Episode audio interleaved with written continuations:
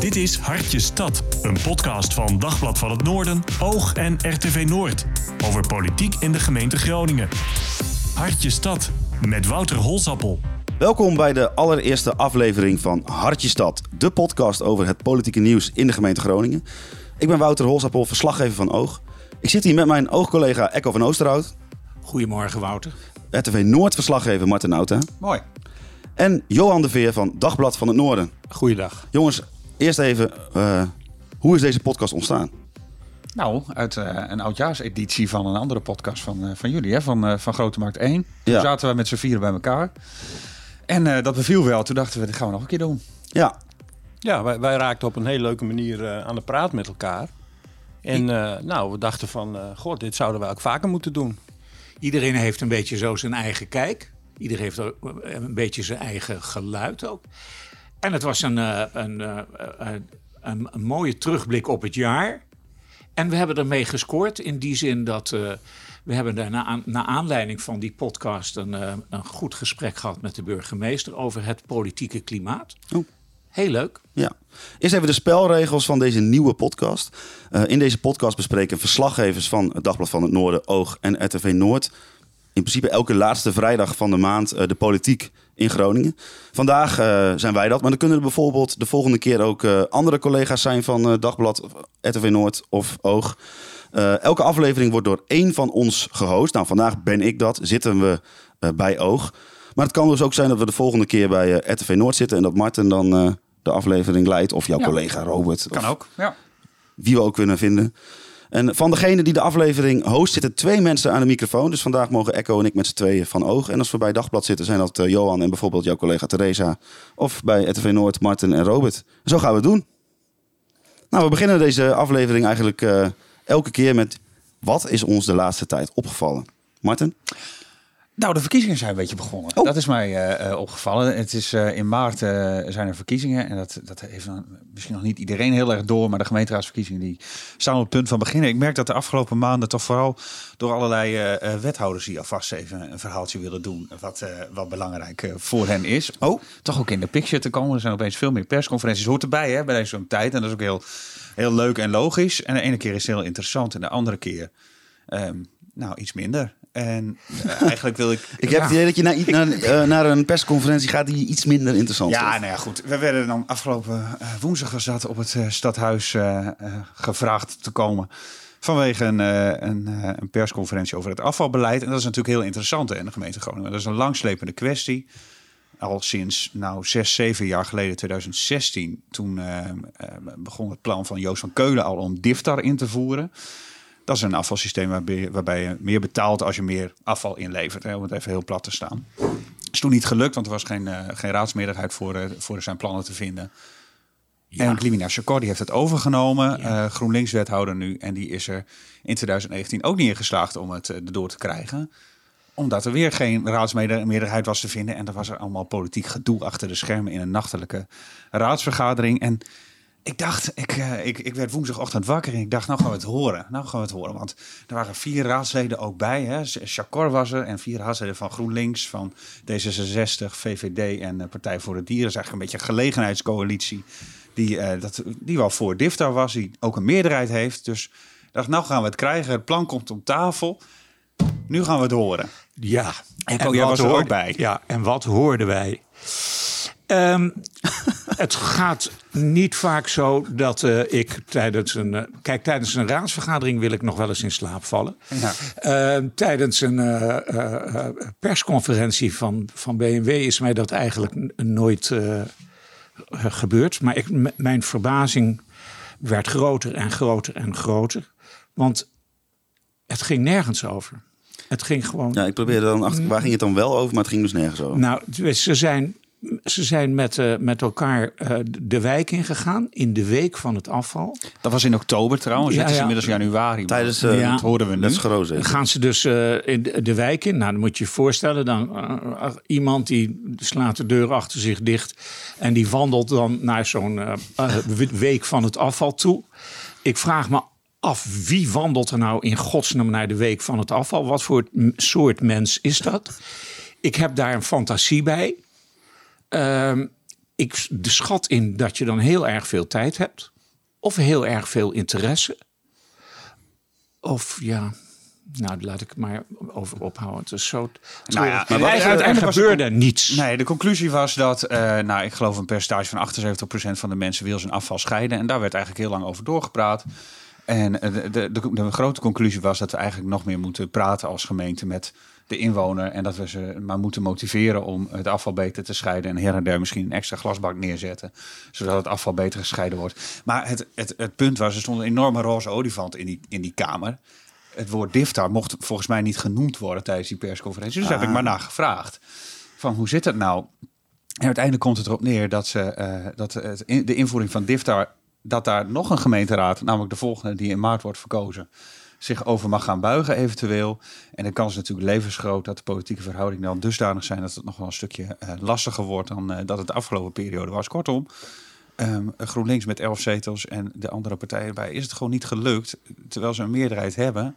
om een door hem gewenst afvalsysteem... wat echt best wel belangrijk is in de gemeentepolitiek erdoor te krijgen. Maar wie houdt dit tegen? Wie houdt het tegen? Ja, dat is, nou ja, goed. Het is, eh, eh, het, is een, het is een kwestie die niet in de coalitie is afgesproken. Hè? GroenLinks, D66, PvdA en ChristenUnie waren het er eh, niet over eens. Ehm, daardoor moest er een meerderheid gevonden worden met oppositiepartijen, wat dus de VVD en de Partij voor de Dieren zijn. Ehm, ja, en het blijft een beetje schimmig waar nou precies, ehm, ehm, waar nou precies de moeilijkheid zit. Nou, Nou ja, het- er, zit een, er, zit een, eh, laten we zeggen, er zit wel een lijn in dat dossier sinds eh, 2012 of zoiets dergelijks. Is dat er gewoon niet goed geluisterd wordt. nee. En eh, eh, dat is eh, Joost van Keulen. Hè, het was heel duidelijk. ehm ehm, Mariette Wolthuis was tegen. Dat Ja. had ze ook gezegd. Van En als hij gewoon- 100% Ah, Groningen. Ja, nee, goed. je- Dus laten we zeggen, toen zaten er nog, eh, wat was het, eh, eh, eh, 35 mensen in de raad, geloof ik. En dan, als je dan gewoon optelt, dan kun je zien, hé, hey, dit ga ik niet redden. Mhm. Maar dat, Joost van Keulen k- telde niet. Dus dit is En, eigenlijk gewoon... en nu gebeurde het met Glimina Chakor, de- de- een jaar geleden of daaromtrent, gebeurde precies hetzelfde. Ze heeft gewoon niet geteld. En als je gewoon telt, dan kun je zeggen, nou, dit voorstel gaat het halen of niet. Ja, maar het was nu nog wel anders, omdat zeg maar, de, eh, normaal gesproken, als je over een, een bepaald beleidspunt eh, gaat nadenken, dan ben je in principe zo'n beetje vrij van externe factoren. En nu zat er wel de druk op dat dat eh, afvalbeleid geharmoniseerd moest worden naar Ja. die samensmelting met Ten Boer en Haren. Ja. En in, in Haren was al een bepaalde vorm van diftar op gewicht. Hè? Hoeveel kilootjes je inlevert, dat betaal je. Ja. En dat volgens mij was dat de bottleneck, want de VVD die zei, ja, maar dan willen we wel dat in Haren dat Ja, en het onderzocht wordt dat, of dat op gewicht kan blijven. En het voorstel van Chakor was om het eh, per, eh, per lediging. Per. Dus lediging, per ja. zak of per eh, afvalbak, vuilnisbak die aan de. Nou, dat is dus- Maar kunnen we dan, weinig naar geluisterd. Ja, dat concluderen dat, het gewoon een mislukte GroenLinks-missie is geweest deze afgelopen vier Ja, jaar? dat- ja, dat mag je wel zeggen. Ja. Nou, als jullie dat met z'n drieën zo concluderen, durf ik daar verder niks op tegen in te brengen. Viel jou wat nog wat op, eh, Echo? Ja, ik wou even zeggen eh, dat wij hebben een nieuwe staatssecretaris, Hans Veilbrief. Ehm, we hebben een nieuw kabinet, ook heel mooi. Het oude kabinet is weg. Toen, eh, mooi, meneer, ja. toen eh, Stef Blok voor de laatste keer de deur dicht deed van eh, zijn ministerie, liet hij zich nog even ontvallen dat de gaswinning in Groningen verdubbeld zou worden. Twee dagen daarna hadden we het SNN-debakel, waarin duizenden mensen in rijen stonden, de, probeerden subsidie aan te vragen. En dat lukte allemaal niet. En de dag daarna eh, kondigde ene zeer bejubelde eh, eh, minister Ernst Kuipers aan dat het kinderhartcentrum in de gemeente Groningen in het UMCG eh, gesloten gaat worden. En de woede in Groningen was enorm. En terecht. Wat een wanstaltige manier van communiceren eigenlijk. Dat coalitieprogramma heet Omzien naar elkaar. En ik eh, vind dat daarachter hoort, behalve naar Groningers. Ik vraag me gewoon af, als ik dit soort... Dit, wat kun je nou als gemeente bijvoorbeeld, want daar hebben wij het vooral over, wat kun je hier nou mee? Behalve heel hard zeggen dat, dat het allemaal stom is. Nou, dat is het belangrijkste. Hè? Gewoon, eh, de, gemeenteraad heeft deze week dan ook een motie aangenomen. Ja. Niet politiek heel spannend, want eh, werkelijk elke raadslid heeft zijn handtekening eronder gezet. Nou ja, dan weet je al dat het binnen de gemeenteraad niet zoveel, eh, zoveel discussie over is. Ja, dat is lobbyen. En eh, Isabella Dix heeft ook bijvoorbeeld ook hè, over het kinderhartchirurgie verhaal gesproken. Heeft daar haar verhaal ook over gedaan. Dat gebeurt natuurlijk achter de schermen. Er wordt er ook over, over gepraat, ongetwijfeld. Ja, maar uiteindelijk is het een, een beslissing die in Den Haag valt. En het interessante is natuurlijk wel dat daar een D66-Kamerlid zit. eh Wieke Paulusma, we kennen haar allemaal nog. Oh, dan gaat Die- dit over het tot hartcentrum, ongeveer ja. een jaar geleden, eh, inderdaad gaan we het over het hartcentrum hebben. Maar die tot ongeveer een jaar geleden nog in de gemeenteraad van Groningen zat. Dus die heeft een flinke druk op Ja. haar schouders nu. Nou, ze hebben, Wieke wil eh, natuurlijk gebeld. Wieke wilde, wil niet zeggen wat ze gaan doen. Nee. Ze, dus laten we zeggen, nu heeft eh, de, de Tweede Kamer heeft vragen gesteld. Eh, schriftelijke vragen, die moet Kuipers gaan beantwoorden. En dan komt er een hoorzitting. En dan kun- kunnen die academische ziekenhuizen allemaal toelichting geven op dat besluit. En eh, dan, eh, dan zal de Kamer beslissen. Dat zal dus in de maand februari gaan gebeuren. Ja. Maar Wieke wil, dat is wel wonderlijk, hè, dat politici praten met mail in de mond. En eh, ik moet zeggen, die vaardigheid heeft Wieke zich snel eigen gemaakt. Wat wel een beetje jammer was dat die eh, eh, hartcentra, dat die elkaar in de haren vliegen. Ja. Dat die eh, Ja. Ja. met elkaar in discussie Vies gaan. moddergevecht Ja, dat was wel Ja. pijnlijk. Ja, dat klopt om wel. naar te kijken. Hè? Dan, dan, dan denk je van, eh, dit is... eh, Nou ja, eh, zeg maar, de cijfers zijn daarvan gewoon openbaar. En dan wordt er een, een cijfer door een bepaald iemand van een bepaald centrum. Ik weet niet precies hoe dat gegaan is. Die komt ineens in de media over sterftecijfers. Vind ik, ja, Ja. dan krijg ik toch wel een beetje. eh, ranzig bij. ja, of het gaat over baby's. ja. Ja. Dat, dat- en dan, ja, dat eh, persoonlijk voelde dat niet heel erg. Maar jij eh, vroeg eh, over die gemeente, even Ja. terug naar het gastdossier en hun eh, positie. Kijk, het lastige van de gemeente is dat ze eigenlijk, eh, als je het zo wil noemen, partner in crime zijn. Hè? Ja. Dus zij, zij, hebben, zij hebben samen met het eh, Rijk en de provincie eh, eh, zetten zij de lijnen uit voor wat hier moet gebeuren. Dus als er kritiek is, is er dus ook kritiek op hun. En dan is de vraag, wat, doen ze, wat doet een gemeente met die kritiek? En de provincie, hè? Ja, Laten en- we zeggen, er is dan zo'n regionaal overleg. René Paas zit dat dan voor. En daar zitten al die bevingsgemeentes zitten daarin. Die zijn dus uiteindelijk akkoord gegaan met die 200, wat was het, 20 miljoen of daaromtrent. Voor, de, voor die eerste ronde van die SNN-subsidie. Zij dachten zelf, nou dat valt wel mee. Maar de, de- iedereen die recht heeft op die subsidie wil hem ook daadwerkelijk aanvragen. En dat bleek dus. Eh, dat moeten we Hans Veilbrief nageven. Hij heeft binnen een paar dagen geregeld dat dat hele bedrag er komt. Dus nou, ik ga hem dat niet nageven hoor. Echt niet. Dat kon niet anders. Nee, hij kon niet anders. Nee. Maar En die druk was al zo hoog. Ik ga die, die credits ga ik niet aan, gaan we niet aan hem geven. Dat Nee, kan niet. dat hoor je, dan hoor je het even. Ah, ja. Nee, dat dacht, vind ik nou, echt eh, onbestaanbaar. Want kijk, hij. eh, eh, ik denk dat, dat, dat, dat Mark Rutte ook heeft gezegd van... Hey, dit moet heel snel hersteld worden. Dus hij is dan ook maar gewoon staatssecretaris hoor. Hij krijgt dan gewoon van bovenaf te horen, zo Ja, gaan we dat doen. Dan, eh, Mark Rutte die doet de portemonnee open. het gaat wel om geld, hè? Hij heeft niet eh, de financiering, hè? Nee. Dus Hij- ja, goed. In ieder geval, die mensen krijgen die subsidie nou wel. Dat is in ieder geval voor die mensen prettig. Maar even om bijvoorbeeld het wat, eh, wat lokaler te trekken. ik, blijven- le- ik lees dan bijvoorbeeld bij RTV Noord lees ik dat verhaal over twee mensen in Engelbert die eh, in de wc of in een dictie op, naar de wc moeten, zeg maar. Ja, die dan elke keer naar buiten moesten, ook midden in de nacht Ja. om naar de wc te kunnen En dan gaan. zie Ja. ik wel dat dus de gemeente dan, of iemand grijpt dan in. Wa- wa- hoe liggen dan die verhoudingen? Wat kan onze gemeente wel doen en waarvan, waarvan, waar zijn hun handen gebonden? Nou, een mooi voorbeeld is Tezingen. Daar hebben jullie gisteren, zijn jullie daar Ja. geweest. Daar wordt dan een eh, petitie overhandigd aan de wethouder.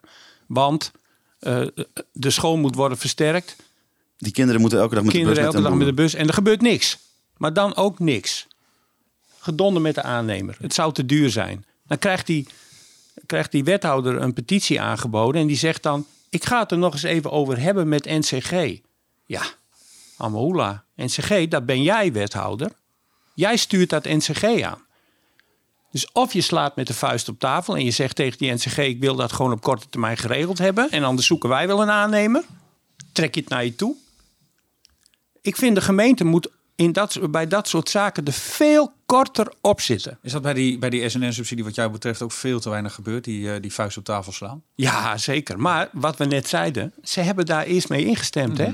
Ze dachten van, eh, nou, dat loopt zo'n vaart niet. Maar dan moet je toch op een zeker moment, moet je toch durven zeggen tegen het Rijk, van dat geld moet er toch komen. Dit gaat niet goed komen. Of we vinden, vinden dit een slecht plan om het zo te doen. Het regenen nou mea culpa's natuurlijk, hè, achteraf. Ja, maar die zijn wat mij betreft zijn die helemaal niets waard. Helemaal en dan, niets. er speelde dus nog een andere eh, ding. Sandra Beckerman die heeft in de Tweede Kamer een motie ingediend. Waarin staat dat eh, eh, slachtoffers van bevingsschade, zeg maar. eh, onafhankelijk recht hebben op onafhankelijk financieel advies. En recht hebben op eh, onafhankelijke juridische ondersteuning. En ze moeten eh, kunnen. eh, bepalen wie de re- renovatie of de versterking van hun woning gaat doen. Toen heeft Staghouwer van de, van de provincie, die heeft een brief geschreven op verzoek van Blok van, ja, die mo- motie die hoeven we eigenlijk niet te, te doen. Niet uit- te Die, voeren. die hoeft niet uit te voeren, want eh, eh, zegt Blok dan, ik heb eh, bericht gekregen van de gedeputeerde van Groningen, dat hoeft niet. Eh, en zo wil hij dat eh, omzeilen. En daar is natuurlijk heel veel commotie ontstaan. En dat geeft er dus aan dat, het, dat die bevingsgemeentes, die hebben ook wel eens een andere pet op. Nee, maar, maar een ander Echo, die, de provincie en de gemeente die gaan daar veel te makkelijk in mee. Ja, Dus op het moment dat er zo'n Kamerbesluit moet, over moet worden genomen, zijn ze eigenlijk al te laat. Hè? ja. Nou, ik denk dat die bestuurders die in dat overleg zitten, dat die het veel te snel en te vaak met elkaar eens zijn. En dat daar zou ik echt voor willen pleiten, de Groningen Bodembeweging en het Groningen Gasberaad weer terug moeten aan de bestuurstafel. ja. Die zijn eruit gekwakt, Ja. maar die moeten daar terug. Dat is de stem van het volk. Daar hoor je Ja. hoe dingen in de praktijk verlopen. Daar hoor je waar, waar het misgaat. Ik heb jou eh, rond die eh, SNN, eh, nou, dat SNN-drama en al die. Ik heb jou veel zien twitteren daarover. Je hebt er wel een stevige mening over, volgens mij. Nou, ik vind dat dat, ik vind dat, dat zou moeten. Dat die, dat die positie van dat gasberaad en eh, Groningen Bodembeweging... dat die veel sterker en steviger moet zijn. Dat is niet een clubje wat je even raadpleegt... als je denkt, oh, zij moet ook nog wat zeggen. Nee, of of, of, of dat, dat, daar, is die, daar is het veel te belangrijk voor. Suzanne Top is ermee gestopt, omdat ze gewoon de hele tijd met de kop tegen de muur loopt. Nou, eigenlijk, je, je kan Macht haast niet... Die zou eigenlijk weer terug moeten. Ja. Die hebben ze gewoon nodig. Dat merk je nu. Ik, En eh, in wat voor rol weet ik niet, maar die zou echt nog steeds eh, van grote waarde zijn. ik denk dat dit nog wel een eh, onderwerp is wat eh, wel vaker eh, langs gaat komen in ieder geval. Helaas. Maar Nou, dan hebben we, heb ik jullie allemaal gevraagd om even wat, eh, ja, wat onderwerpen eh, in te brengen. En eh, Johan, laten we beginnen met een onderwerp wat jij hebt ingebracht. En daar heb ik een, fragment bij. Dit is natuurlijk een heel treurige uitkomst van een vrij lang verhaal. Ehm, we hebben natuurlijk al eerder als gemeente met Martini-zorg te maken gehad. Eh, ook de gemeenteraad heeft een aantal keren vragen gesteld, schriftelijk en mondeling, over het functioneren van Martini-zorg. Ehm, we hebben veel overleg gevoerd met hen. En op enig moment natuurlijk ook moeten constateren dat er een aantal declaraties waren die wij niet konden verklaren. Ehm, dus ja, dat heeft misschien toch wel een en ander in gang gezet, waardoor we nu met deze uitkomst eh, zitten. Vertel, Martini Zorg. Ja, nou ja, het is eigenlijk een, eh, een voorbeeld van eh, doorgeschoten privatisering, eh, eh, neoliberalisme, zoek het maar uit. Eh, we keepen het eh, bij de lagere overheden over de schutting. Eh, de zorgaanbieders, eh, eh, eh, ja, die moeten maar een, een bedrijf opzetten. En die zijn zelf verantwoordelijk voor wat ze met die winsten doen. Dus je weet ook niet of dat zorggeld wat verdiend wordt, of dat weer wordt geherinvesteerd in zorg. Want even voor, de duidelijkheid, wat is hier precies gebeurd? Hier is een, eh, hier is een zorgorganisatie eh, failliet gegaan, maar die valt, die Martini Zorg. Daar worden kwetsbare mensen worden daar eh, opgevangen. In de huizen hebben allemaal, eh, ze, hebben, ze hebben heel veel onderdelen in de zorg. Maar in ieder geval, daar staat een zorgondernemer aan het roer. En die kan gewoon doen wat hij wil met die bedrijven. Wat heeft de gemeente hiermee te maken? De gemeente heeft eh, op een gegeven moment de boel geïnspecteerd en geconstateerd dat er eh, onjuiste declaraties waren. Die hebben dus eh, aan de bel getrokken en gezegd: ja, zo gaan we dat niet doen. ze Want, verdienen te veel geld, hè? Bij, als Martini Zorg zijn. Is veel te hoge marges, Maar even veel voor te hoge de, winsten. voor de absolute leek, want hoe zit die, Ja. hoe zit die, die relatie tussen zo'n zorginstelling en de gemeente? Nou, de gemeente die, eh, eh, die, die heeft een zorgplicht voor haar inwoners. Dus als er kwetsbare inwoners zijn, dan moeten die eh, worden geholpen. En daar betaalt de gemeente aan mee. En die vraagt dan een zorgorganisatie om, daar, om dat te doen. En betalen daarvoor. Maar En- het is, omdat het een bedrijf is, zeggen ze van... nou ja, weet je, je, je, je doet maar wat je moet doen. En wij controleren wel of de zorg goed is. En op het moment dat, dat, dat die zorg hapert, dan komen ze in actie. Nou, dat, eh, Maar- zelfs, zelfs dat gebeurt te weinig. Hè? Maar Je- ja, eh, jullie eh, RTV Noord heeft een, een, een mooi artikel op de site staan over misstanden in Oosterparkheem vandaag. En dat is echt, dit is schrikbarend. Angstcultuur, drugsdealers die daar binnen Ja, lopen. ja. Om het even een beetje samen te vatten. Het is, dat is heel vreselijk. Dan- inderdaad. en dat gebe- gebeurt dus in allerlei zorginstellingen. Er is, er is nauwelijks een kwaliteitscontrole eh, op. Dus er, ja, er, wordt, er wordt een beetje gedeclareerd. De inspectie voor de gezondheidszorg heeft het ook over rare geldstromen of onheldere geldstromen. Tussen Martinizorg. Martinizorg is een onderneming van de zorgzaak. Dat, heeft, dat hebben allemaal van die lieve namen ook. Weet je. De zorgzaak, dat klinkt toch betrokken. en- Tinizorg klinkt ook heel Gronings. ja, ja. En dan, eh, nou ja, goed, de, eh, de, eh, de, er gaan tonnen gaan er tussen allerlei stichtingen en weet ik veel wat heen en weer. Er is gewoon geen zicht op. Ja, want Johan, wat Nee, is jou de crux van nou, dit? de crux is dat er, dat er een gemeente, eh, zo- zoals Groningen, te maken heeft met, en dan kan je ook nog de jeugdzorg bij betrekken, te veel zorgaanbieders. Dus ze moeten overal maar het zicht op hebben. En die zorgaanbieders, dat zijn gewoon, ja, dat zijn bedrijven die, die, die dat op een manier runnen waarvan je denkt van, nou ja, eh, gaat dat geld, komt dat wel weer terug in de zorg of wordt dat afgeroomd eh, richting eigenaren? Hè? Dat, dat, en daar heb je eigenlijk heel weinig over te zeggen. Dus je hebt je eigenlijk uitgeleverd aan die bedrijven.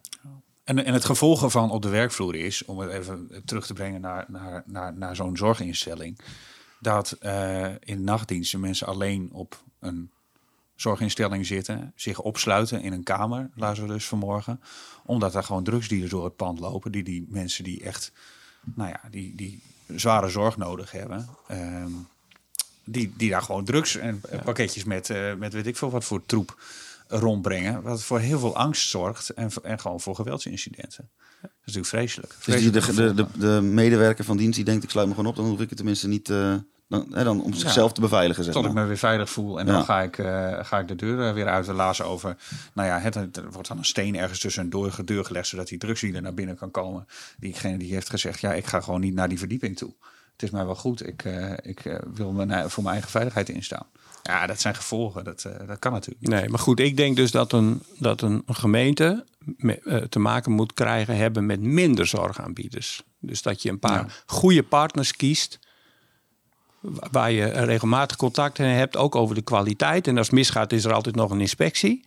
Maar je moet af van die, van die, van die wirwarren en kluwen aan, aan bedrijven. waar je eigenlijk amper aan zelf nog van begrijpt waar je, waar je aan betaalt. Weet je hoeveel het er zijn nu dan ongeveer? Nou, Oh, even een eh, quizvraag.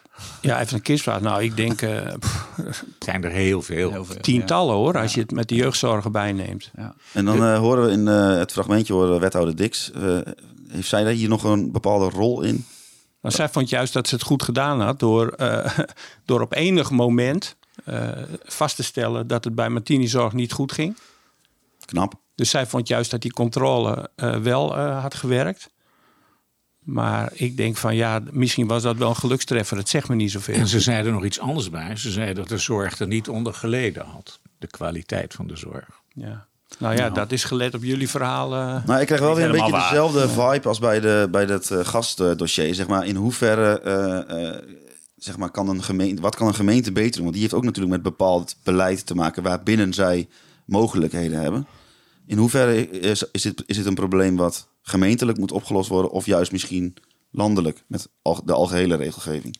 Ja, dat is het probleem juist. Het, eh, de, het, het Rijk deed het en dat, de- dat was ook niet zo goed.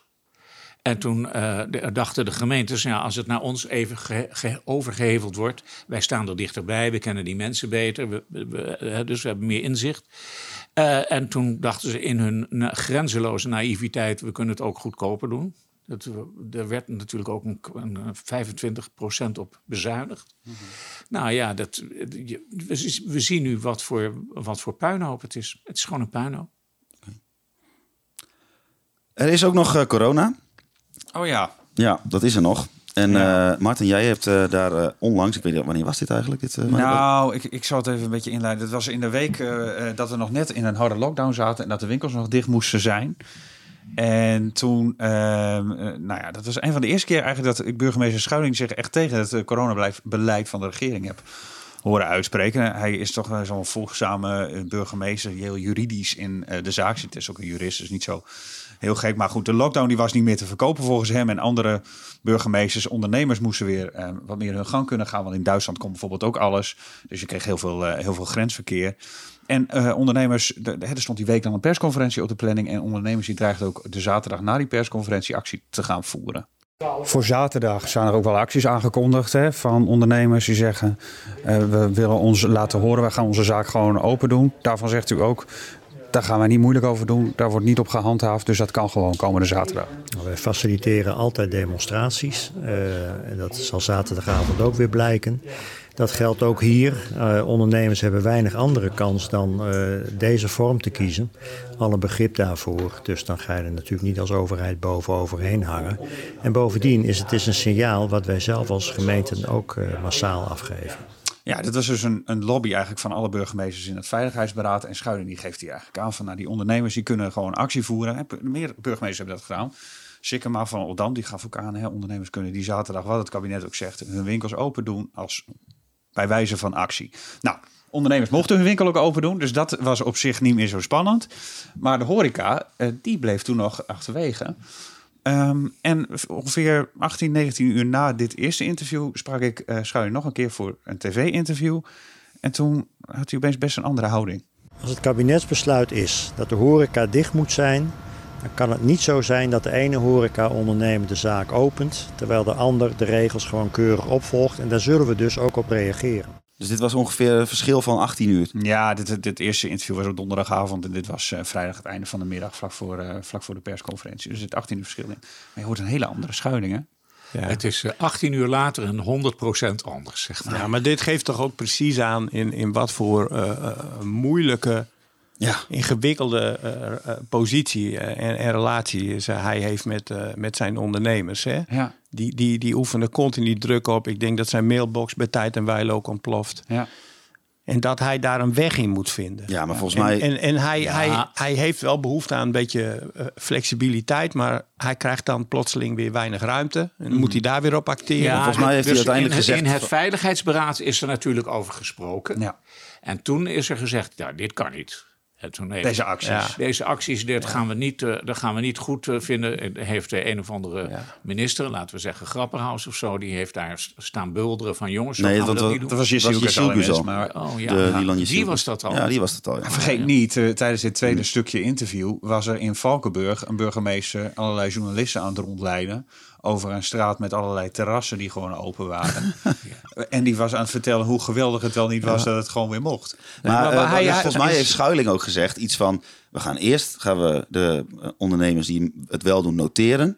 En dan krijgen ze een officiële waarschuwing. en dan pas Nee, gaan maar we- hij is- Eigenlijk hij- zegt hij daar ook mee Ja. van... doe het maar gewoon, want het komt toch wel Dus krijg je echt niet meteen een bon, natuurlijk niet. Nee, maar hij is zeer beducht op escalatie. Hè? Ja. Dus, dus op het moment dat hij vermoedt van... oh god, ik heb iets geroepen, nou gaat, nou, nou, nou gaat het eh, verkeerd... dan gaat hij daar weer, gaat hij daar weer op acteren, zeg Ja. maar. Hè? Dus hij voelt... eh, Ik denk dat, dat je in zijn positie continu de thermometer in de, in de samenleving steekt. Continu moet, moet voelen van hoe hangt de vlag erbij bij die ondernemers... Ja. Eh, kookt de boel over? Hoe, hoe, hoe, hoe staat het onder stroom? En dan doe je wat. Maar als je dan kijkt naar een burgemeester als Halsema hè, van Amsterdam, die eh, veel meer een, een wat lobbyende functie heeft, die ook veel sneller aan een talkshowtafel gaat zitten om eh, het verhaal van haar stad eh, te duiden, dat zie je Schuiling veel minder doen. Hè? nou, Maar Ik moest daar maakte ook een. Halsema maakte een andere draai. Een Ja, ik wil haar niet heilig verklaren hoor, helemaal niet. Maar ik Nee, zij maakte een andere draai. Zij zei ze namelijk, ik ga het niet tolereren. En toen, toen later, toen ze bij iemand aan tafel zat, ging, zij, ze- ging ze toch weer een beetje tolereren. Snap je? Ja, De- hetzelfde. Net andersom. Maar ze moeten gewoon zeggen van het mag niet. En dan vervolgens kunnen ze wel een beetje zo met de vingers voor de ogen. Zo van, nou ja, we sturen ja, gewoon wat totdat, boa's ze langs. denken, totdat ze denken van oei, dit was toch een iets te populaire boodschap. eh, of, eh, of dit Ja, maar dit beter is- niet kunnen doen, dan draaien ze weer wat bij. Ik heb door de stad gelopen die dag. Ik denk wel dat dit wel echt een mooie eh, actie was. Want het, het, De zaterdag, hè? Die zaterdag. Ja. Het liep nergens echt maar helemaal vol en uit de hand. En eh, volgens mij, ja, ik heb wat ondernemers daar gesproken. Die waren echt gewoon blij dat het gewoon even konden laten zien van... Ja. ik kan weer wat, zeg maar. En ook de volgende dag niet weer open gaan, bijvoorbeeld. Dus niet, nou blijven we nu ook open. Tenminste, ik weet niet, ik heb er niet veel van gezien die dat gedaan hebben. Ja, een enkeling volgens mij nog. Ja. En inmiddels mag het natuurlijk gewoon weer gelukkig. Dus En het was ook nog op dezelfde dag dat die fakkeltocht s s'avonds was voor de, de, eh, eh, gas, gasdossier. Dus ja, ik, het, was, het was wel een fijn sfeertje in de stad in ieder geval weer eens een keer. ja, het mocht weer. Het mocht weer, ja. Het ventiel werd een beetje opengezet eigenlijk. Ja. Nu werd eh, eh, deze week eh, bekend dat eh, eh, ja, die oude Oosterpoort, jongens, dat kan niet meer, hè?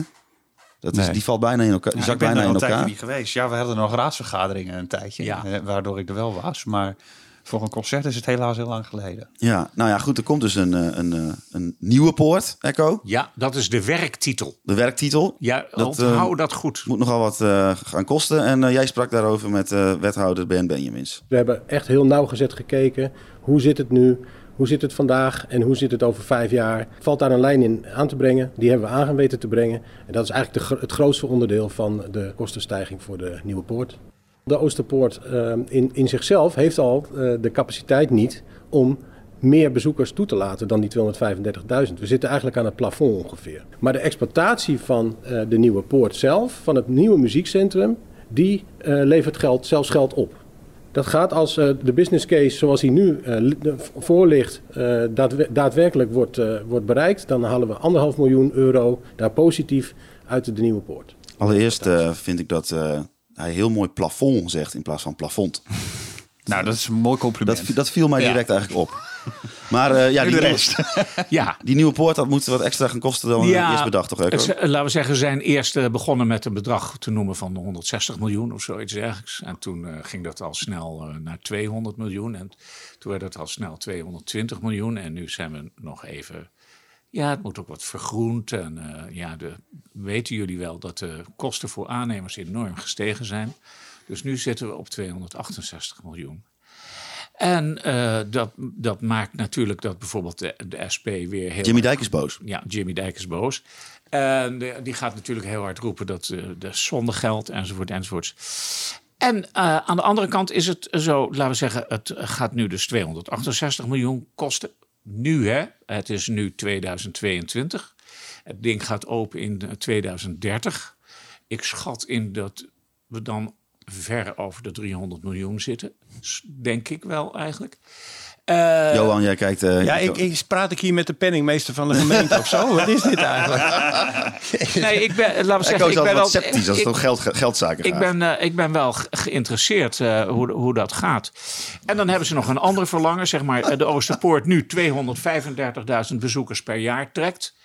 En dat moet dan 400 68.000 bezoekers gaan worden. Nou, dat is, dat is aanmerkelijk meer. Dat, dat is een goede conclusie. Het verkiezingsvoer, hè, dit. Eh, nou, 268 ja, dus ik, eh, miljoen. Ja, ik, ik, ben, eh, ja. Ik ben heel benieuwd. Want kan iemand maar even duiden hoe de verhoudingen liggen zeg maar, in, in de raad? Wie, zijn er, is er meerderheid hiervoor? Of, ja, er is een meerderheid voor. Ja. Een hele grote. Hier, hier, hier, wordt gewoon, hier, in meerderheid wordt, is dit een enorme ambitie. Hè? Hebben ze grote ambities. Groningen moet vijfde stad van Nederland worden. Wat zoveel betekent dat ze Eindhoven moeten passeren. Nou, dat is een eh, beste klus, want Eindhoven is, dat, die, die timmeren ook aardig aan de weg. Ja. Eh, ze willen meer zijn dan de hoofdstad van het noorden. Nou, dat klinkt ook heel eh, pretentieus. Maar ik denk ook wel dat dat terecht is. Dat je dat ook wel moet willen. Je moet vooruit willen. Dus ik vind die ambitie niet zo raar. Al die, ter- die termen die er dan bij horen, oké. Maar ehm, ik denk dat ze wel eh, hiermee op de goede weg zijn, eerlijk Dus gezegd.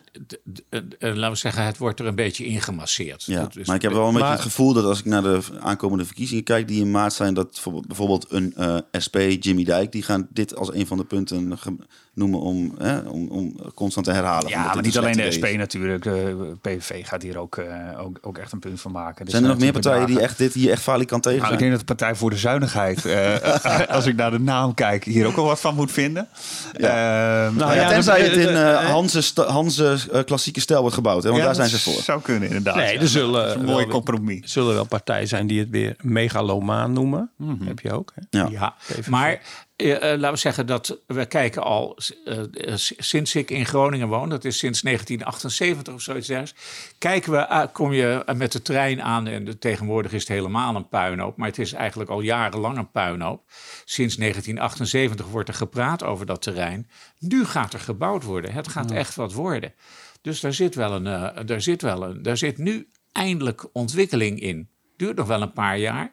Maar in 2030 Nou, is daar het... kunnen we nog een paar jaartjes bij optellen misschien. Als Ja. we toch aan het voorspellen zijn. Ja. Dat is vaak toch zo bij dit soort projecten. Maar het, zo- het is natuurlijk wel mooi. Kijk, Amsterdam heeft een Ziggo Dome. eh Utrecht, Tivoli, Tivoli Vredenburg. Er zijn Ja. allemaal van dat soort poptempels. Ja. En nou ja, op zich, ja, even buiten het geld om, is natuurlijk wel gaaf. Maar ik vind wel dat als, als Groningen zegt van wij stellen echt wat voor, dat dat ook gepaard moet gaan met eh, een stevige lobby op allerlei andere terreinen. Hè? Dus je moet dan ook heel hard gaan lobbyen voor, eh, eh, nou, om mijn part een lelielijn of eh, betere verbindingen. En ik vind, ik, ik vind Groningen altijd wat terughoudend eh, in die lobby. Het is wat navelstaderig. Dus we zijn met die stad bezig, daar hebben we onze handen vol aan. Maar naar buiten toe eh, hoor je eigenlijk nooit dat Groningen zich mengt in stevige discussies. Ik mis qua, qua eh, verhaal nog wel even de advocaat van de duivel hier eh, over de, de Nieuwe Poort. Is het niet... eh, jongens, Nou. zoveel geld. Nou, Wordt- de kunst wordt, de kunst wordt om die kosten te beheersen. Je hebt het ook nu gezien met de Zuidelijke Ringweg, eh, hoe dat eh, gigantisch uit de klauw loopt. Dus er kan van alles misgaan. En daar moet je heel kort ook kort op zitten. Maar dat je uitspreekt dat je een muziekcentrum wil wat een beetje landelijke allure heeft, En in- dat lijkt mij niet verkeerd. En nog inhoudelijk, dan wordt dan eh 268 miljoen geloof ik dan geïnvesteerd in één gebouw met, nou ja, dus natuurlijk er zal wel diverse soorten cultuur aan bod komen. Maar er zijn ook geluiden die zeggen, ja, het is allemaal eenheidsworst. En waarom wordt dat niet verspreid over de hele culturele sector eh, geïnvesteerd? Wat, eh, ja, dat, wat, dat hoor ik ook. Wat is daar nog? Ja, maar die, die, Of is het niet en en? ja, maar eh, Vera en Simplon en, en noem maar op, die doen het toch goed? Dat, is toch een, dat zijn toch ook wel weer instituutjes. Jongens, die, worden toch, die worden toch niet afgebroken? Nee, maar wat Jullie wil je allemaal nou? zo enthousiast. Ik probeer een beetje de Ja, advocaat van de duivel te zijn. Ja, ik- ik snap maar bijvoorbeeld wat, wat wil je nou dan? Wil je nou dat we, dat we een- zeggen dat het geld allemaal naar armoedebestrijding... dat dit beter moet Het is, een, het, is een, het is een prachtige plek, zeg maar. Het is een, Kun je het nergens- een- kun je niet Er een beetje- gebeurt helemaal geen moer. En nu gaan ze daar eindelijk mee aan de slag. Na al die jaren. Ja. Ik vind het geweldig. En 268 miljoen. Ach, wat man. Nee, maar goed, eh, om dan even bij Wouter te komen. Het is natuurlijk wel waar dat het ook... Het, het staat natuurlijk gek als een stad met veel armoede... eh, ook onder, onder kinderen die in armoede opgroeien... dat je zo'n groot project... Ik kan me heel goed voorstellen dat partijen als een, bijvoorbeeld een SP... hier een verkiezingsthema van maken. Nee, Absoluut. maar ik vind, ik vind het wel eh, een beetje jammer als je het dan eh, in het zweetje trekt van of-of. Ja. Ja, dat is een, een valse Want tegenstelling. je kunt, ook, ik zeggen, niet je kunt goed. ook zeggen, als je zo'n groot project binnenhaalt, dat levert allemaal weer nieuwe mensen op die hier komen. En dat betekent dat de ondernemers weer meer Ja, gaan verdienen. precies. Het levert meer werkgelegenheid op. et zie je wel, je et weet het wel. Je ja, weet maar ja, het wel. Jongens, ik moet, er moet toch iemand even eh, advocaat van de duivel zijn? Ik merkte al aan jullie dat, dat, dat jullie dat niet gingen doen. Ik, ik heb ook gewoon zoveel zin in een concert. Ja, ik ook. Ja. Ik kan hier ook... Het is gewoon heel moeilijk om hier... eh nee tegen te En, een- en een zaal die, waar die een fantastische akoe- akoestiek heeft, zeggen ze. Hè? Toch- dat zeggen ze altijd allemaal. Ehm, Echo, Ja. er moet nogal wat gebouwd, ge- of er is nogal wat gebouwd in Groningen. Ja, ja, ja. ja. Kun je het, weet je het getal uit je hoofd? Hoeveel nieuwe woningen in 2000? wat Ja, was het? 2500. Ah, nou ja, goed. In ieder geval, jij eh, sprak daar even over met eh, de wethouder, Roland van der Schaap. Ja, je moet echt lang teruggaan tot in, denk ik in de jaren 60, als je dit 70, dat je dit soort cijfers eh, haalde. Dus daar ben ik eh, op zich heel blij mee. En het is ook niet voor de eerste keer. Ook vorig jaar hadden we er bijna 2000. En ook de komende vier jaar verwachten we nog in totaal zo'n 7000 woningen er eh, ja, bij te krijgen. En dat is eh, heel hard nodig. Ja, en het is ook van groot belang dat we in wijken als Meerstad, Stadshavens, ook in Suikerzijde, zo snel mogelijk aan de slag gaan. Want eh, ja, de plekken in de bestaande stad zijn zo langzamerhand wel een beetje op. Ja. Hij zei nog iets daarna, hè? Hij zei daarna, zei hij, en als het in de stad niet kan, dan moet het eigenlijk ergens anders. Ja. Want, eh, de- eh, Wat bedoelde hij met- daarmee, denk ja, je? Nou, kijk. eh, Heb ik het verkeerde De stukje erin plekken- geknipt? Nee, nee, nee. Er, er valt veel over te zeggen. A, er is een enorme woningnood eh, in, de, in de stad Groningen. Dus 2500 woningen erbij, dat is een leuk en dat is een, een record. Maar het is volstrekt onvoldoende om de woningnood op te lossen. Dus er moet gebouwd worden, gebouwd worden en gebouwd worden en gebouwd worden. Dat is ook wat Roland van der Schaaf zegt. Er zit een andere kant aan. eh, als straks de suikerzijde bebouwd is en, eh, en Meerstad is vol... Eh, dan, ja, dan, en dan he- hebben we hier eh, eh, achter ons de Rijdiepwijk, hoe heet het? Nou, rijd diep. ja, de Rijdiepwijk. Nou, en dan is, het, dan is het vol. Dan zijn we de, door onze ruimtes heen. We we hebben natuurlijk, dat za- zat hier ook bij, de stadshavens. Daar komen dus ook drie, drieënhalfduizend woningen of daaromtrent. Dus er wordt heel erg gebouwd. Maar het, het einde raakt wel in zicht. Nou, ik fiets elke dag vol goede moed naar mijn werk. En dan totdat ik een bepaald punt voorbij kom. En dan eh, slaat de, slaan de, de negatieve gevoelens toch toe. Als ik hier op het scenic terrein eh, aankom. Ja. Er zijn nog wel, eh, hier willen mensen ook nog wel wat bouwen volgens mij. de raad. hier, maar kijk, hier op, op Zernike gaan ze een campus bouwen. Hè. Daar kun- kunnen dus studenten wonen. Nou, je s- als wij hier uit het raam kijken, dan zien we daar dat... De, dat eh, Geweldige, geweldige architect. pand van, van, van. Ja, ja. Nou, ja, het- je moet de-. Nou goed, daar allemaal ge- gestapelde dozen. En daar kunnen studenten in wonen enzovoort, enzovoort. En die komen hier op het Zernike ook. Maar dan zijn we wel uitgepoept hoor, uiteindelijk. En eh, dat, is wel een, eh, dat is wel een probleem, want waar gaat het dan eh, gebeuren? De- dan moet de gemeente Groningen gaan overleggen met buurgemeentes van... eh, gaan, jullie eens even, gaan jullie eens even wat meer eh, bouwen? Er is nog wel wat ruimte tussen Groningen en Haren, toch? Of niet? Ja, nou, dus daarvan heeft. eh, eh, eh, pas op voor Gustav Wieseveld. hè. Oh jee. Ik moet het even zeggen. eh, want die gaat zich daar natuurlijk sterk voor maken. Roland van der Schaaf heeft gezegd: dat gaan wij niet bebouwen. Dat gaan wij niet doen. Eh, het schijnt dat de SP eh, dat eventueel nog wel wil. Maar eh, Roland van der Schaaf zegt: daar gaan we niet bouwen. En bijvoorbeeld ook hier tegenover aan de andere kant van het kanaal, de, de polder. Parapoels, weet ik veel. Nee, nee, ik weet ook niet hoe die polder. Ja, ik heb... Ik ben benieuwd hoe lang het houdbaar is. Dat is helemaal in de toekomst kijken natuurlijk. Ja, ja. Maar, ja, Maar valt er bijvoorbeeld op eh, 16 maart qua wonen nog wat te kiezen? Is het nog van als je dit kiest, dan gaat er dit gebeuren. Maar je kunt ook totaal iets anders kiezen. Of valt het eigenlijk wel mee? Is het eigenlijk, ligt het eigenlijk allemaal wel redelijk vast? Het, het, het beetje prominent. Elke, elke partij vindt dat er voldoende woningen moet zijn. Dus eh, eh, eh, eh, Nou, weet je, voordat je nou weer begint over eh, wat er allemaal eh, nieuw eh, buiten de stad gebouwd moet worden, doe eerst nou eens gewoon wat je nu aan plannen hebt. Ja. Ga eerst nou gewoon eens uitvoeren. maar dat zijn Dat scheelt al duizenden woningen. Ben je al weer een hele tijd verder. Ik bedoel, ik, ik zou de nadruk leggen op de uitvoering en niet nu een discussie voeren over waar het later allemaal nieuw Nee, maar er wordt, er wordt dus veel gebouwd. hè 2.500. Nou, ga Dat daarmee is- door, Dat hè? is, een, dat is een, rec- een record. Dus dat is aan zich wel goed. Jij geeft gratis advies, eh, Johan. Ja, nee, maar dat is iets ook wat de gemeente zelf graag wil. en, dat fiets- is, en dat is al moeilijk genoeg. Ik fiets elke dag langs de, de Friedemalaan waar die toren verrijst. Nou, Dat, eh, Ja. Dan zie ik in één keer weer allemaal huisjes het, het voorschijn komen. En er is natuurlijk nog wel een beetje politieke discussie over waar bouw je precies voor. Hè? Bouw je echt Ja. eh, sociale huur, en dan zit je natuurlijk aan de, aan de rode linkerkant van het politieke spectrum. Of ga je meer naar die middenhuur toe, mensen die net wat te veel verdienen. Ga je daar juist, eh, ga je Ja. daar juist Nou, voor bouwen? Ja, en ik heb- zijn dat zijn ingewikkelde discussies Ja, met ontwikkelaars. En daarnaast hier op de ik heb een keer op één dag binnen vijf minuten van elkaar de VVD en de SP eh, erover eh, geïnterviewd. Ze willen allebei wel dat hier eh, mensen komen wonen. En de SP die zegt natuurlijk, hup, al het land eh, gewoon hups, in, in handen van de gemeente en ontwikkelen. En de VVD zegt, ja, dat land is van die en die en die en die. En dan moeten we samen met die en die en die en die. Weet je, er zit nog een heel groot verschil in. Nou, de VVD, eh, hoe, je dat moet, eh, hoe, je dat, hoe je dat tot stand laat komen, zeg ja, maar. de VVD geeft graag eh, eh, veel meer ruimte aan, ontwikkelaars, aan aan marktpartijen. Die zeggen van ja, die scholen en die winkeltjes en eh, die voetbalveldjes, die zet je maar op je eigen terrein, weet je wel. Daar hoeven wij allemaal niet aan mee te doen. Nee, de, de, eh, laten we zeggen, en Roland van der Schaaf is dan een verklaard tegenstander van de, van de liberalisering van de woningmarkt.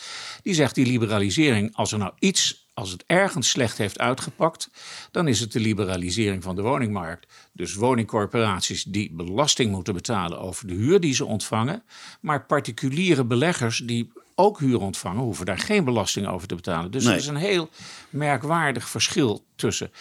En je kan van deze cijfers zeggen, dus van die 2500 woningen die er vorig jaar bijgekomen zijn, zijn bijna 1000 woningen in de sociale huur. Dus dat is niet, nou, niet slecht. Nee. De verkiezingen komen er bijna aan. Ja man. En eh, we hadden het van tevoren al even over, eh Marten. Maar ja, Ja. ik voel het nog niet echt, zeg maar. Nee, ik zag laatst, eh, kreeg ik in onze gemeenschappelijke redactie-app een opmerking dat er iemand eh, witte rozen op de grote markt aan het uitdelen was. En iedereen vroeg zich af wie dat nou, wie dat nou bedacht had. En toen zag ik twee minuten later een tweetje van, eh, ik geloof Jal de Haan, Ja. van het CDA. eh, dat dat vanuit het CDA kwam. Ehm, en dus waar we het aan het begin van eh, de podcast over hadden. de wethouders die hun plannetjes eh, ehm, eh, presenteren. Nou, ik moet wel zeggen, het CDA, die, eh, die zijn wel als Die eerste zijn- zijn erbij. Hoor. Dus ik ben al een keer bij ze langs geweest in Ten Boer. Dat ze, Ja, kon ze vinden- was met kerst nog al, waren ze al bezig. We vinden natuurlijk landelijk niet heel erg mee. Maar ehm, het, het, is nog, eh, het is nog vrij rustig inderdaad. Ja, en dan deze week het dan het Maar- nieuws. eh, Vergeet niet trouwens dat, dat verhaal van de parkeergarages. Hè? Daar hebben we het nog helemaal niet over gehad. GroenLinks die van een paar parkeergarages Oh, ja. in de Oh. binnenstad af wil. Denk je dat dat heel toevallig nu gedropt wordt, zo vlak voor de verkiezingen? Of zou het oh, misschien toch wat over nagedacht zijn dat er over twee maanden gestemd gaat worden? Nou ja, ja, eh, ja. ja, lu- luchtballonnen zijn natuurlijk heel handig eh, in, eh, in, een, in een verkiezingstijd. een beetje positie bepalen. Hè? Ja, Nou, ik denk wel dat dit meer is dan een luchtballon, hoor. Ik, denk ook wel dat, ik denk ook wel dat het een omdat- serieus idee is. Ja, Ja. want die, Maar het komt wel goed die uit. wens om die stad, eh, wat verkeer, die binnenstad wat verkeersluwer te maken, dat Ja. is hier natuurlijk al heel lang een discussie. Ja. En, een, eh, En dit is een volgende stap die zij willen Ja. zetten. Die eigenlijk alle andere partijen, behalve de Partij voor de Dieren. Maar in dit geval gaat, maar, het ging zeg maar die Haddingen parkeergarage bij tegen de vismarkt aan. Die eh, is dan opgekocht en die gaat dan weg, zeg maar. Ja, dat is al bepaald. En hè? dit was een beetje in het verlengde daarvan van, hé, dan zouden de volgende stap zou dan bijvoorbeeld eh, de paté en Ja, de museum, eh, bios. die, die Ja. Ja. zouden dan. eh Ja, die zitten werd er dan meteen doorgetrokken naar de Rademarkt. Maar volgens mij was dat nog helemaal geen. Nee, de Rode Markt heeft Benny Leemhuis van GroenLinks ook wel van gezegd van nou, daar zouden we misschien ook wel wat mee kunnen. Maar het Ja. ging inderdaad primair om die bios parkeergarage waar maar 90 auto's in kunnen trouwens. En de parkeergarage van het, eh, van het museum. En die zouden dan moeten sluiten. Is die Ten groot? faveur van een, ja, die is wel wat groter. Die, ten faveur van een parkeergarage onder de nieuwe Oosterpoort. Ah, ja. Dat is het idee eh, van GroenLinks. Nou, hebben ze aardig wat aandacht voor gekregen. Ook van andere partijen die om het hardst schreeuwden dat het allemaal veel te snel ging. En dat dit misschien over tien jaar een keer zou kunnen, maar nu nog niet. Nou, ik vind die, eh, maar die- dit soort plannetjes gaan we natuurlijk meer zien. de Die biosgarage vind ik altijd wel handig voor itempjes aan het Zuiderdiep. Daar komen we nog wel eens. Dus, Maar- eh, Ja. Nou, het zijn vooral de ondernemers die hier natuurlijk een beetje raar tegenaan kijken. Ja, want die zeker. willen gewoon dat mensen hun boodschappen op loopafstand eh, in de auto kunnen kieperen. ja. En niet van de En- Herenstraat of de Oude Ebbingen naar het station Nee. moeten lopen om dan in een bus te stappen. Tegelijkertijd zouden die ondernemers ook kunnen denken van eh, de binnenstad wordt er eh, een stuk eh, leuk van, aantrekkelijker ja. van. Ja, want die- ik vind Dus- persoonlijk, als ik op een terras zit aan het Zuiderdiep, dan komen er, komen er soms, komt er soms verkeer voorbij dat ik echt denk van zit ik hier op de Duitse autobaan? Ja. Dus ja, ik, ik denk wel dat als je, hè, als je die straat wat, wat, wat rustiger maakt, dat het juist voor de ondernemers aan. aan maar goed. De rest van de binnenstad Je zit mijn vrij mening hier alweer door te drukken. Pas op. Maar ik heb geen auto, dus ik wil sowieso alle auto's weg. Dus dat is. Eh, nou ja, de- laten we zeggen, dit is natuurlijk... uit de dit is, eh, eh, Hou jij, hou jij, heb jij helemaal geen compassie met mensen van, eh, uit het ommeland die eh, hier naartoe komen met centjes, uh, stad is niet alleen van de stad, uit te geven? Wat is dit voor egoïstisch gekwak? joh? ja, nou ja, goed. Nou, eh, eh, eh, er valt natuurlijk wel wat meer over te zeggen. Ze, ze gaan gewoon eh, de auto op zo'n PNR-terrein zetten. De, de, Nou, de met, de, met de volle tassen de bus in. Een van de belangrijke slogans van dit, eh, van dit college is natuurlijk dat de openbare ruimte, en dat zijn al die parkeerplekken en dat zijn al die plekken waar die auto's staan. De openbare ruimte is van ons allemaal. Die is Ja. niet alleen maar van automobilisten. En dat vind ik eigenlijk niet zo'n gek standpunt. En eh, ik denk, eh, natuurlijk moet je boodschappen doen in Groningen, want waar kun je leuker winkelen dan in Groningen? Maar je kunt best je auto eh, aan de rand van het stad neerzetten. Ik Ja, dus maar wel duidelijk dat hier twee mensen zitten die allebei geen auto hebben. Nee, maar kijk eens, ik, heb dan- ik ben dan eh, een van de weinigen die misschien wel een auto heeft, net als Ja. Johan. Maar kijk eens, Ik je heb kunt niet even snel de stad in meer hè, op deze manier. Ja, goed, Ja. je kunt nog wel in het forum natuurlijk die, die, die auto kwijt. Maar het wordt wel een stuk lastiger gemaakt. En als we deze tour doorgaan, dan wordt het haast een onneembare vesting. Over, over daarover gesproken, over niet makkelijk de stad inkomen, denk ik de volgende aflevering dat het Julianaplein eruit ligt. Dus dan moeten we daar maar eens even over gaan. eh. Dat wordt leuk. Ja. Ja. Ja. Maar we, eh, oh, eh, die campagnes die komen dus een beetje op gang mid- middels een beetje zijweggetjes, zeg maar. Dus zo een beetje proefballonnetjes oplaten, dan eh, dat is om... Er wordt iets harder geschreeuwd over bijvoorbeeld die 268 miljoen van de Oosterpoort. Nou, daar zie je, daar wordt wel flink over getwitterd en over gesproken door bijvoorbeeld inderdaad de SP. ehm, en ook door andere partijen. We horen wie de lijsttrekkers worden. Ik vond het deze week heel opvallend dat Tom van Kester van de PVV niet opnieuw lijsttrekker wordt Ja. deze, bij de komende verkiezingen. Want dat is toch wel een van de mastodonten van die partij die werkelijk in bijna elk gremium wel uh, zijn zegje uh, doet. Hij is natuurlijk eerst Kamerlid.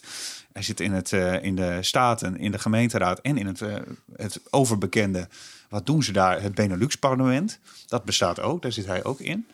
maar hij doet een, een klein stapje terug nu. Ja, maar dat was ook wel onhandig omdat gemeenteraad en provinciale staten, dat valt altijd een beetje op dezelfde dag, toch? Ja, dat is ja, ja, ja, pendelt uh, heen en weer. En, nu wordt en het, soms, uh, soms combineert, combineert hij dat ook nog met vergaderingen in de Eerste Kamer. Dus dan, dan ja, dat is één grote... En nu wordt het dan Dennis Ram. Ja. Nou, Dennis heeft wel veel ervaring in de Staten. Ja, je kent hem natuurlijk wat beter dan wij. Ja, ja. ja zeker. Dus die, ja, ik weet niet of hij zo... Uh, of hij het als lijsttrekker goed gaat doen, dat is weer een ander verhaal. Of je op de zeepkist als het ware goed overkomt bij de mensen. Dat moet je maar weer even afwachten. Mm -hmm. Ja. Doen ze bij de PVV aan uh, zeepkistenbijeenkomsten? Uh, poeh, nou, ze doen wel mee aan debatten. Hè? Dus dat ze is doen, ook ja, al... ja, ja, ja, ik weet het. Ik, ik, ik, zie die debatten wel eens. En wat mij ook nog opviel was uh, iemand Ja. die ook de aandacht goed op zichzelf Ja. weet eh, te richten de afgelopen weken, maanden. eh, eh, aankondigde op de lijst van de Stadspartij, eh, de Ja. nieuwe Stadspartij te gaan staan. Ja. En ineens deze week gaat hij het toch niet doen. Chris. Nou, dat is buitengewoon Ik verstandig. het, maar ik vind het wel knap van hem dat wij het dus nu hebben over de nummer 5 op de lijst van de Stadspartij. Dat doet hij toch aardig? Nou, maar Want dat doen dus we niet bij meer. anderen. Nee, Voor oké. de duidelijkheid. Maar dat doen we bij anderen. de- hij, weet wel hoe je de aandacht moet, eh, moet krijgen, zeg maar. Nou ja. Nee, maar stel nou dat je als stadspartij zou denken van... Goh, misschien willen we wel meer zijn dan roeptoeters aan de kantlijn. Hè? Misschien willen we wel meebesturen hè? Op, een, op onderdelen. En, en je hebt zo iemand in je Geledingen, geledingen, gelederen... gelederen. en je hebt eh, bijvoorbeeld eh, gedonder in het gasdossier... dan is hij dus activist terwijl jij moet besturen. Ja, Dat kan niet. nee. Dat gaat niet samen. Ja, en Dus ik zat, dan komt ik, hij, boven- dan mag hij, dan, dan is de regel van, nou, ik ben betrokken, ik kan niet meedoen aan de vergadering. Maar als dat dan nu al zo begint. Ik leef eh, dus het zegt iets over de ambities van de stadspartij misschien. Ook, ja, want ik, le- ik leef zeg maar voor de helft leef ik in de echte wereld en voor de helft leef ik op Twitter. En op Twitter, ja, als ik hem zo zag op Twitter, dacht ik van, die gaat niet eh, mee, meedoen in een coalitie. Dat kan niet. Want hij hij- neemt iedereen al de maat voordat hij ze überhaupt gesproken heeft. Ja, maar dus kennelijk zitten er in die stadspartij toch ook wel weer mensen die zeggen van, dat willen wij niet uitsluiten. Wij willen in ieder geval aan tafel komen en de kans krijgen om te vertellen waarom wij een waardevolle bijdrage kunnen leveren aan bestuur. Maar er is dus iets gebeurd. Hij, eh, hij had die ambitie. Hij is ook op die plek terechtgekomen. Hij heeft, eh, hij heeft de aandacht op zich gevestigd. En hij heeft nu besloten om dat toch maar niet te doen. Is dat, laten we zeggen, van buitenaf afgegeven, eh, ingegeven of heeft hij dat zelf verdacht? Nou, het officiële verhaal is dat hij het te druk heeft hè, met eh, de, gas, de, de gasverhalen, de, het fakkelprotest wat hij natuurlijk mede georganiseerd heeft. Hij zei ook wel tegen mij, ik heb hem nog even gebeld, hij zei van ja, je bent toch wel gebonden aan een partij. Ehm, en allerlei vergaderstructuren, dat is nog een beetje stroperig en langzaam. En dat past gewoon niet zo heel erg bij mij. Ik ben gewoon meer van het snelle actie voeren. En, Ja, eh, maar de dat, dat, dat, slaat helemaal, dat slaat helemaal nergens op. Nee, maar dat het is had je wel zijn verhaal. kun- ja, wat een slap verhaal. Dat had je natuurlijk kunnen bedenken voordat je zei van ik ga met die partij in zee. Zeker, Ik dacht- zeker. Maar toen was er natuurlijk nog dat fakkelprotest was er nog geen sprake van. Hè, op dat Nee, moment, maar het kan best zijn dat... Ik nee, ga nou even ik- advocaat ik- van de duivel spelen, Johan. Ja, nee, heel goed. Maar ik kan, me, ik kan me voorstellen dat, dat, dat na dat fakkelprotest... dat hij dan dat, dat bloed bij hem wat sneller gaat stromen... en Ja. dat hij denkt van, eh, ah, dit is wel eh, een leuke bezig... die- Die kan ik me wel, eh Ja. En misschien, wel mee verder. Nou misschien re- realiseerde hij zich wel dat van burgemeester naar het raadslidmaatschap is toch geen echte promotie. Nachtburgemeester. ik denk Nee, wel maar misschien, trouwens eh, dat het de Stadspartij wel een paar stemmen gaat kosten dit. Ik denk eh, dat hij eh, hè, als eh, hij had waarschijnlijk best wel wat stemmen gekregen omdat hij vrij bekend is en omdat hij eh, dingen doet die mensen aanspreken. Dus wat dat betreft is zijn vertrek denk ik een vloek en een zegen voor. eh, voor En zoals ik al zei, ik vind, partij. het, ik vind het knap dat wij het erover hebben van hem. Dat hij dus zichzelf zo kan marketen en dat, Ja. eh, dat het interessant is. Een eh, laatste punt wat ik even wilde aanboren deze aflevering is... eh, nou ja, die verkiezingen komen eraan. We zitten hier met eh, Oog, RTV Noord en Dagblad. Wat, wat, ga, wat kunnen de mensen van ons verwachten van de komende tijd? Gaan wij nog, gaan wij nog iets doen om, om mensen te attenderen op deze verkiezingen? Ja, dat is een beetje ook mede je rol natuurlijk als, als omroep en als, als krant zijnde. Ehm, wij gaan bijvoorbeeld de provincie in. We gaan naar alle negen gemeenten waar verkiezingen zijn. Dus niet alleen de gemeente Groningen, maar ook alle andere behalve Eems-Delta. Want daar hebben ze al een keer eh, verkiezingen En dan heb je het over de uitslagendag of al eerder. Nee, al eerder in de aanloop eh, daar naartoe. We hebben eh, de verkiezing tot het beste raadslid. Die is eh, Oh? in eh, onze eh, gemeente ook al eh, geweest. Ik weet de uitslag al, maar ik ga hem nog niet vertellen. Ah, dit vind ik, dit vind ik oncollegiaal. Ja, dat vind ik ook. ja, jammer. Ik vind Wanneer wordt dat bekendgemaakt dan? In aanloop naar de verkiezing. Oh, dat, dat Ja. duurt nog even. Het is Ja, niet dat het dat vanavond vanmiddag om... Nee, eh, want dat anders gaat- dan wacht ik even met uploaden natuurlijk. Ja, dat zou ik doen inderdaad. Maar eh, nee, dat, eh, die verkiezingsuitslag die komt, er, eh, die komt eraan. Daar, hebben, daar is flink voor gestemd, moet ik zeggen. Is het verrassend? Is het verrassend? Eh, nou, laat ik zeggen dat er wel een, eh, een afgetekende winnaar is. Hoewel het nog wel een tijdje gelijk opliep, is er uiteindelijk wel een duidelijke eh, winnaar uit. Oh, bus ik vind het echt spannend. Ja. Waar moeten, waar, ja, waar- dat- kun je al iets meer zeggen over wanneer mensen dat kunnen verwachten? Of weet je dat nog niet? Ik weet het nog niet precies, maar ehm, ehm, waarschijnlijk in de, week, eh, in, de, in de weken voorafgaand aan de verkiezingen. Hey, werkte de gemeenteraad daar eh, gezellig aan mee? Er is eh, flink gestemd, ja. Er is, Nee, er maar zijn, de gemeenteraad zelf. Ik heb dat ooit ook, ook eens geprobeerd, jaren geleden, Ja. om een- de, het beste raadslid eh, eh, van de raad te kiezen. Of dat, maar toen wilde de raad zelf niet meewerken. Nee, nee, de raadsleden hebben dus op elkaar mogen stemmen. Ehm, dat hebben ze al gedaan, dus dat kan ik eh, zeggen. En er zijn twee raadsleden die dat niet gedaan hebben. Oei.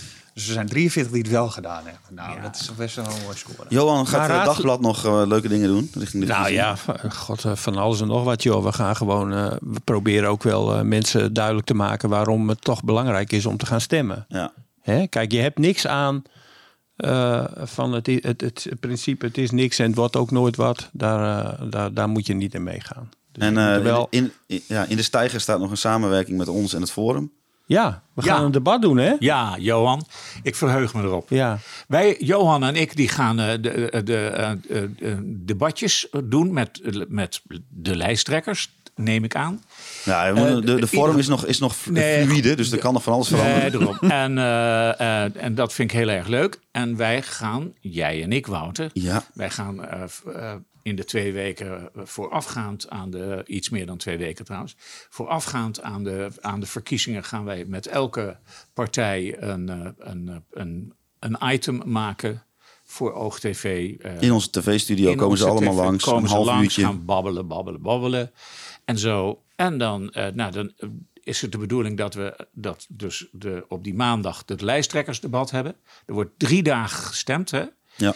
In de eerste instantie gaan er 14 stembureaus open. Uiteindelijk gaan in de woensdag 148 stembureaus open. Met potlood. Dat vind ik wel weer jammer. Want dat duurt het zo lang totdat de uitslagenavond, totdat de uitslagen er zijn. En dan hebben we natuurlijk de uitslagenavond Ja, nog. staat ook nog in de stijgers, dus dat, Ja. eh, hoe dat er allemaal uit gaat zien weten we nog niet. Maar we zijn er in ieder geval druk mee bezig. Ja. Dus er, er is eh, aandacht eh, genoeg eh, voor. Ja, dan zijn we in ieder geval eh, aangekomen bij het einde van deze eerste eh, podcast. De volgende keer, waar gaan we eigenlijk zitten? Ja, bij RTV Noord of bij Dagblad? Ik zet de koffie vast klaar. Ah, de volgende keer zitten we dan bij eh RTV Noord. Dan zullen dus in ieder geval eh, Marten en ik denk jouw collega Robert Pastoor. Robert Pastoor Zeker. er zijn. Ja. Dus toch weer een hele andere vibe dan eh, hè, elke keer weer wat andere mensen. Ehm, wie van ons eh, er verder zit, Echo, Johan, dat weten we, dat zien we dan wel weer. Hè? Dat, Nou, ik denk mijn collega Theresa Langeler. ja, nou, en van ons Echo, dat moeten we maar eventjes over eh, bakkeleien. Armpje drukken, dacht ik. In ieder geval bedankt voor het luisteren van deze allereerste aflevering. En tot de volgende. Dit was Hartje Stad. Volgende maand zijn we er weer. Tot dan.